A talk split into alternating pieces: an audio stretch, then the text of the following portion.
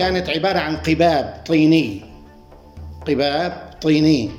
فأنا أحد اللي درست في القب الطيني كان المعلمين أحساب الدولي والبناء نحن ندفع أجاره لصاحب المنزل. كان يجي واحد على ما أذكر هيك يركب حصان. كان يركب حصان. ويعني فعلا نستمتع بدرسه ونستمتع بحديثه.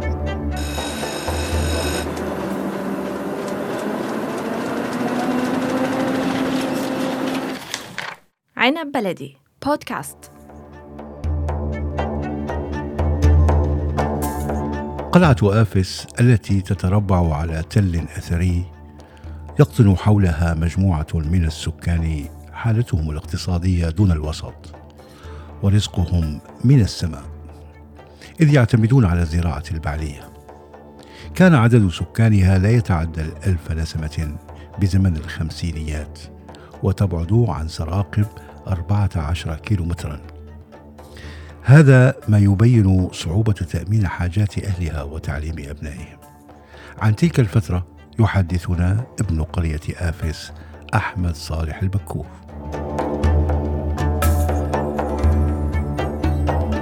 أراضينا الزراعية واسعة. كلسية حمراء سهول ما في عنا أي جبال إلا هالتل الطين الأسري. أما باقي أراضية سهول واسعة وخصبة أرض تربة كلسية حمراء. كنا نعتمد على الزراعة البعلية أنا عاصرت الزراعة البعلية وحاليا أعاصر الزراعة المروية. يا سبحان الله اختلفت الأمور 180 درجة. 180 درجة. في زمن حياتي أنا سابقا نفلح الأرض ونحرسها.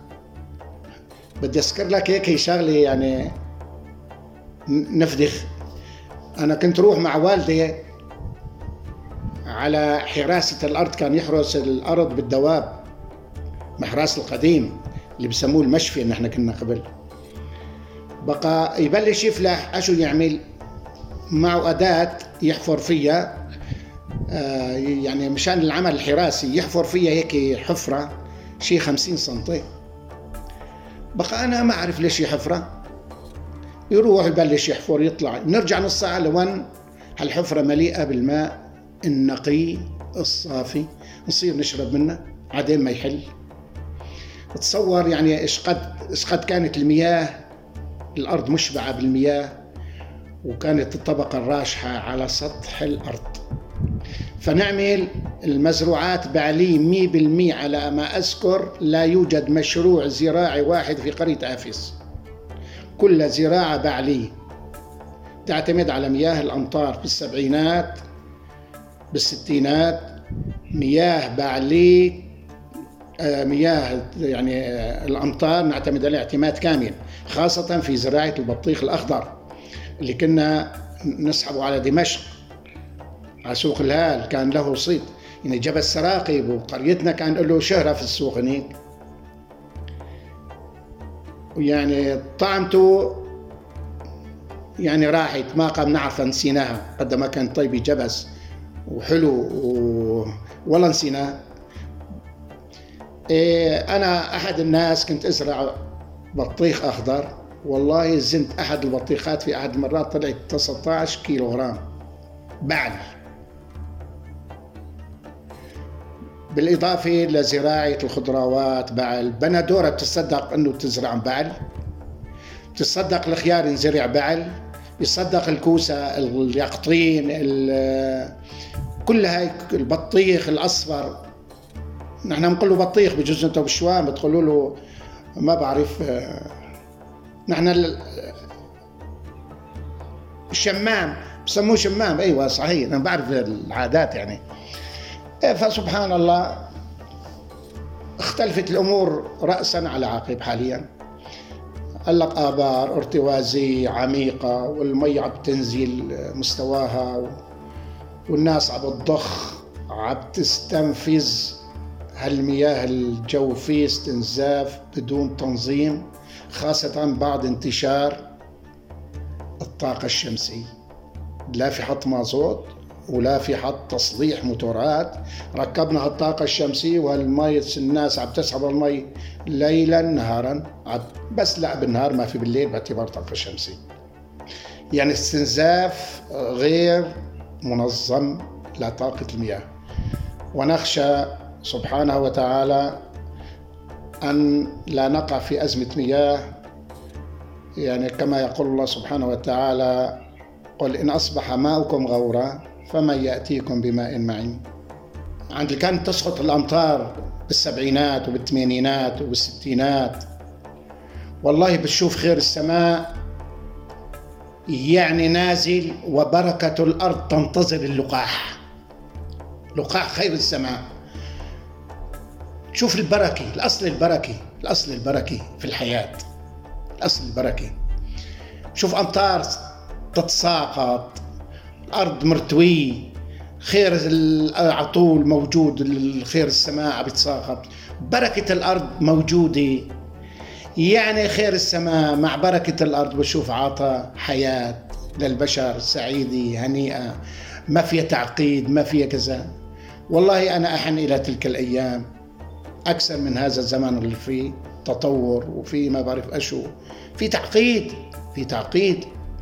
هلأ أنا أشوف إيش أنا بستفيد من كل هالتطور العلمي والثقافي وما بعرف أشو والسلاح والكواكب الفضائية والمدري أشو التلسكوبات والحياة فيها تعقيد وفيها تشويش وعلى الفكر وعلى الذاكرة. صح ولا لا؟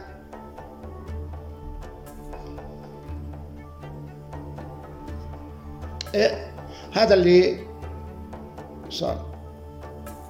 إيش بدي أذكر لا أذكر والله عند بذكر هيك حادثة بيجيني عشرة بدالها هيك عند بز... برجع لذاكرة معينة. ما الله اصطفوا عشرة. هلأ اصطفوا عم يحضرني وحدة ورا وحدة وحدة ورا وحدة. يلا يلا. شو 70 عام من التعب والشقاء وال التعاون مع الناس وال يعني العلاقة مع الناس. إيش بدي أذكر؟ لحتى أذكر يعني الحقيقة شيء يعني رحلة طويلة. وأنا حبيت يعني الحقيقة يعني عقب على الماضي عقب على الماضي من الذكريات لأربطه مع الحاضر عسى نتعظ ونأخذ العبرة ويكون لنا درس. يكون لنا درس. وعبرة لنا. لنرجع إلى عاداتنا العربية إلى عاداتنا الإسلامية إلى روحنا الأصيلة عندما نصل إلى تلك الصفات الله سبحانه وتعالى بيرأف فينا وبيعطينا. لا يغير الله بقوم حتى يغيروا ما بأنفسهم. لك ما نعرف المرض؟ والله قبل ما نعرف المرض ما عرفنا المرض الا على دور هالوقت هذا وهالمأكولات وهال هرمونات البطيخ والبطيخ استخدام الهرمونات والاسمده وما بعرف أشو. قبل الإنتاج والله أنا أذكر والله ما بعرف شو المرض. قليل أنا بعرف على مستوى القريه والله. على مستوى القريه اسمع عن فلان كان مصاب بداء السكري. أوف إيش هو داء السكري؟ ما كنا نسمع فيه بطول شخص واحد شخص واحد على مستوى القرية. يهلق على مستوى القرية بالمثليتين سكر. طبعا طبعا. الإسعافات موجودة. نحن كل واحد بيسعفوا بسيارته بالإلو بالقرادينه قديم ما في السيارات في عربيات في عربيات على الدواب. يعني يشيلوا على ال... أنا أذكر حادثة سبحان الله. قلت لك عم تصب علي ذكريات صب. في عام بعام 73 74 كنت طالب بدمشق. بقى حياة فقر وما عندي أدرس بالشام. روح اسقي قطن عند واحد غني. نسقي له قطن بالليل. نبدل له بخاخات. هاي أول مشروع بخاخات بدخل على القرية إيه، ليلة من الليالي أنا هنيك مناوي وأنا بفيقني هالأغا. هذا من أغوات حلب كان اخذ المشروع.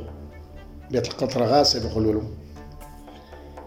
إيه قال لي أبوي أحمد بروك بروك بروك. إيش وخير؟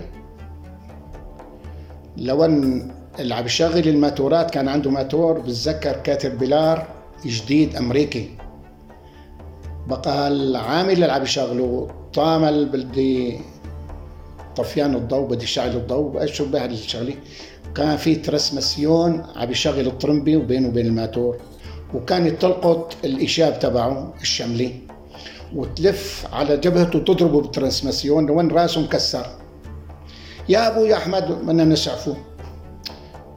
إيش بدي أسعفه أنا ولد؟ قال لي شو بدنا نسوي؟ قلت له راي عندي بسكليت هوائي يعني ما هو ناري بسكليت عادي. قلت وين رايح بروح على الضيعة. بجيب لك واسطة. إيش ما, ما عندي غير البسكليت. والساعة 2 بالليل.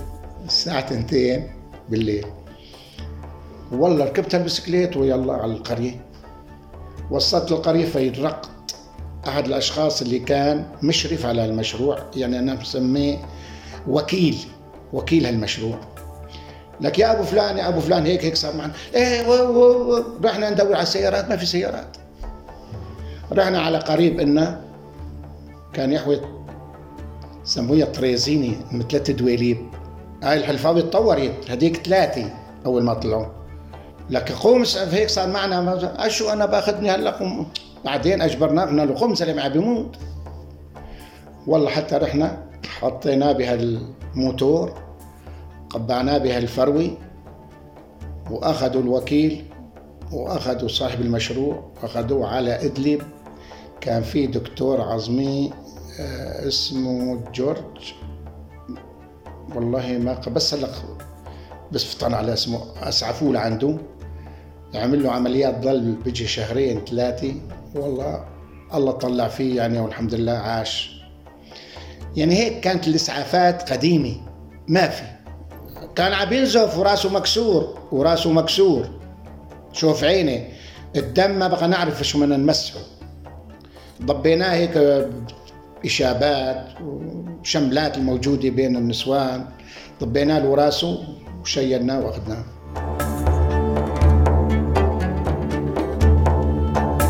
كان تأمين مياه الشرب عن طريق بئر ينهل منها أهالي آفس بصعوبة وبطرق وأدوات بدائية بالإضافة إلى الجهد العضلي لسحب المياه. آفس بالخمسينات بالخمسينات كانت مياه يرسى لها نجمعها بالشتاء بحفر. تتجمع بالشتاء بمنطقة مخصصة نجي نحفر يعني بئر ما يسمى بئر. غماقته يعني شيء 3 أمتار 4 أمتار 5 أمتار الكتاريت يصير ينبع مي تتجمع بها الحفرة. نروح بكير الصبح تروح النساء يروحوا الشباب. ينضحوا من كل واحد عنده. هالبئر مختص في عائلي بتروح عشو جمعية مي. آه، يعبوا مي هالإناء اللي أخذينه مرة مرتين ثلاثة يخلص. تاني يوم يتعبى. أول يوم يخلص تاني يوم يتعبى وهكذا. لحتى يجي الشتاء. بالشتاء بينتلوا كتير يعني بزيد ميتين. وبذكر بذكر أيضا تم حفر بئر يدوي. أشرفت عليه الدولة أنا ما بذكر اللي أشرف قبل زمني بشوي. حفروه بحدود ال 100 110 أمتار. حفر بال يعني الكروك وبالآلات القديمة. وصاروا ينضحوا المي فيه عن طريق الدواب. إناء بسموه الحورة بتسعشي ثلاثة نكات مي. ينزلوها للمي. يشد الدابة بتمسحب فيها مسافة 100 متر لتصير على تم الجب بيشيلوا ويكتوا ويعطوا للناس. وهكذا دواليك ناس آه، يعني وحدة طالعة وحده نازلة وحدة طالعة وحده نازلة. حتى عام الوحدة قاموا حفرونا بئر ارتوازة في زمن الوحدة في الصفحة الأولى من التل. وطلع عنا مي طيب كتير ونقي وكتير نظيفة صارت الناس تشرب منها المي عملوا عين أو يعني إيش بدي أقول لك مركز لتوزيع هالمياه. تشيل النسوان على روسها وتروح كل واحد يوصل له تنكي تنكتين يعني بتنقل بها النار لبيته بعدين اتطورت الأمور صاروا يوزعوا الشبكه خاصة. أنا اتفقت أنا وجيراني أنا وحارتي مددنا خط لحالنا. الثالث والرابع هيك والخامس هيك بالأخير دخلت الدولة مدت الشبكة لكل الناس. إيه والحمد لله صار مي متوفرة صحي وكويسة. أما بالخمسينات والله كانت الناس عطشانة. عملوا خزان توزيع. بالتل التل مو عيلة حفروه حفر. حفروه حفر وصبوه بيتون وصاروا يعبوه ويوزعوه على الضيعه التل عيله ما بده رفع أعمدة للخزان حفروه حفر وزرقوه وصارت المي تنزل تنساب باتجاه القرية. عملوا هون آه، مركز لشان الناس تيجي تاخذ منه مي. نستجي على الدواب بال 59 59 60 يعني بالضبط.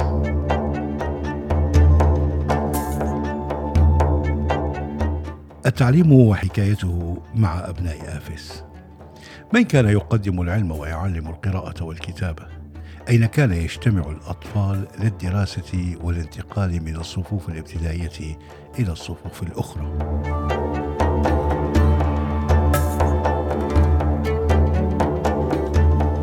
أنا بالعقد الأول من العمر عمري ب 1953 في العقد الأول والثاني يعني درسنا المرحلة الابتدائية في غرف طينية مستأجرة. ما كان عندنا مدارس حكومية. كنا ندفع بش أنا بذكر كنا ندفع خمسة ليرة على مدار العام. أجار هالغرفتين وقب سكني معظم القرية كانت عبارة عن قباب طيني قباب طيني فأنا أحد اللي درست في القب الطيني كان المعلمين على حساب الدولة والبناء نحن ندفع أجاره لصاحب المنزل. بذكر بالوحدة ب 58 اللي صار فيها الانفصال بال 61 أجونا معلمين مصريين. كانت الوحدة بيننا وبين مصر في زمان عبد الناصر. وشكر القوات له إيه كانوا يجونا معلمين مصريين.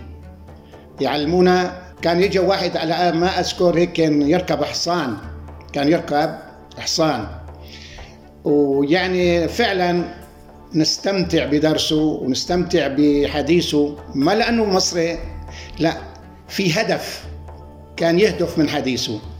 كان دائما يردد شعر إذا ألمت بواد النيل نازلة باتت لها راسيات الشام تضطرب. وكان يقول ما في دولة تقوم في مصر. إلا كان امتدادها في بلاد الشام. وما في دولة تقوم في سوريا بلاد الشام إلا كان امتدادها في مصر. وأنا هذا بعرفه الدولة الأخشيدي الدولة الأيوبي الدولة الزنقي الحسيين قبل الإسلام حتى على زمن يعقوب عليه السلام كانت الزيارات موجودة بين يعقوب وأولاده ومصر ليروحوا ياخذوا حبوب ويرجعوا يعني حتى قديما كان في اتصالات بين هالمنطقتين الجغرافيتين وادي النيل وبلاد الشام. يعني كان في ترابط كان يشعرونا وفعلا أنا لقيت هالناحية هاي تاريخيا يعني بعد دراستي وبعد ما تعمقت في هذا الموضوع. فعلا في وحدة بين وادي النيل وبين بلاد الشام. تاريخيا يعني. وآخرها على ما أذكر يعني مو على ما أذكر كانت الوحدة بين مصر وسوريا عام 1958 يعني لم تقم هناك حكومة في إحدى الدولتين إلا كان امتدادا في الطرف الآخر. يعني أنا بحسن بذكر لك كان عدد الطلاب كليتنا كنا ما نتجاوز ال 50 طالب. نبرك كل ثلاث صفوف بغرفة وحدة. أول ثاني ثالث ورابع وخامس. نبرك بغرفتين. السادس صاروا يكملوه في سراقب أنا أذكر في عائلة لبيت المعلم عائلة من بيت المعلم كانوا يجوا يعلمونا أكثر شيء بس كانوا هن أغوات القرية. ساكنين بدليب بس هن أغوات القرية وملاكين القرية يعني. كان عندهم دور سكنية لحالهم يبركوا فيها أذكر منهم الأستاذ فاروق معلم والاستاذ بسام المعلم وأذكر يعني عندهم دار سكن لنفسهم يسكنوا فيها. المصاري والله جينا على واحد على قلت لك فرد واحد كان يجينا يركب حصان بقى بذكر يعني أنا كان عمري طفل عمري سبع سنين ثمان سنين ما بقى اذكر وين بيروح وين بيجي. أحيانا ينام في المدرسة أحيانا ينام في المدرسة عند صاحب الدار صاحب الدار اللي كان مأجر الغرفتين للمدرسة. كنا عايشين على الفطرة بنحسن نقول. في زمن الوحدة مر ثلاث سنوات في زمن الوحدة يعني قحط شديد. كان تجينا معونات من مصر من جمال عبد الناصر يبعث لنا معونات. أنا أذكر روح مع والدي. يوزعونا شوية ذره بيضاء أنا عامله منفوشة. يوزعونا كيلوين ثلاثة طحين. آه علبة تمر دبس تمر هيك محطوطة بإناء خشبي يعني حالي يرسى لها كان في هذاك الوقت. محل شديد كان.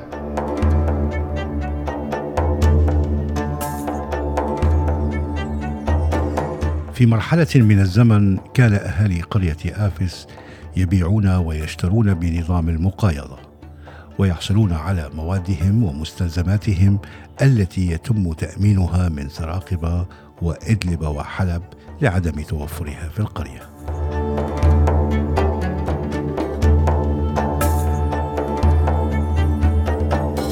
آه، مداولات البيع والشراء قبل ما في ما في عملة. يعني كانت العملة البضعة.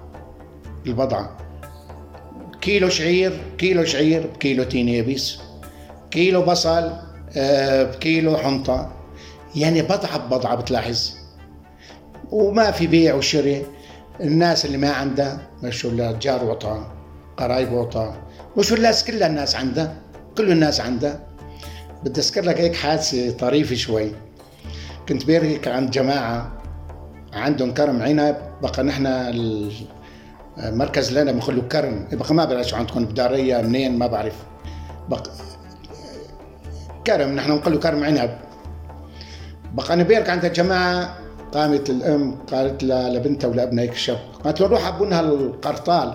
بقى القرطال هو السلي نحن عندكم بجوز. سلة عنب. راحت لتعبي. الكرم ما بيبعد 500 متر. ونحن بيركين عندهم.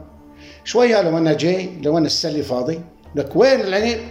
قالت له والله هذا أخذ شوي على الطريق وهذا تفضل وهذا هاي ما خلوا لي شيء. لا الله يعني. يلا ارجعي عبيه رجعت عبت ورجعت وأنا نصه يعني شوف قبل البساطة والمحبة الحياة الفطرة السعيدة. يعني عندي شغلات بذكرها قديمة جدا جدا يعني الحقيقة الحقيقة يعني إيش قد من تطورنا هذيك الحياة أسعد رغم البساطة. إلى اللقاء مع حلقة قادمة من ذاكرة سوريا.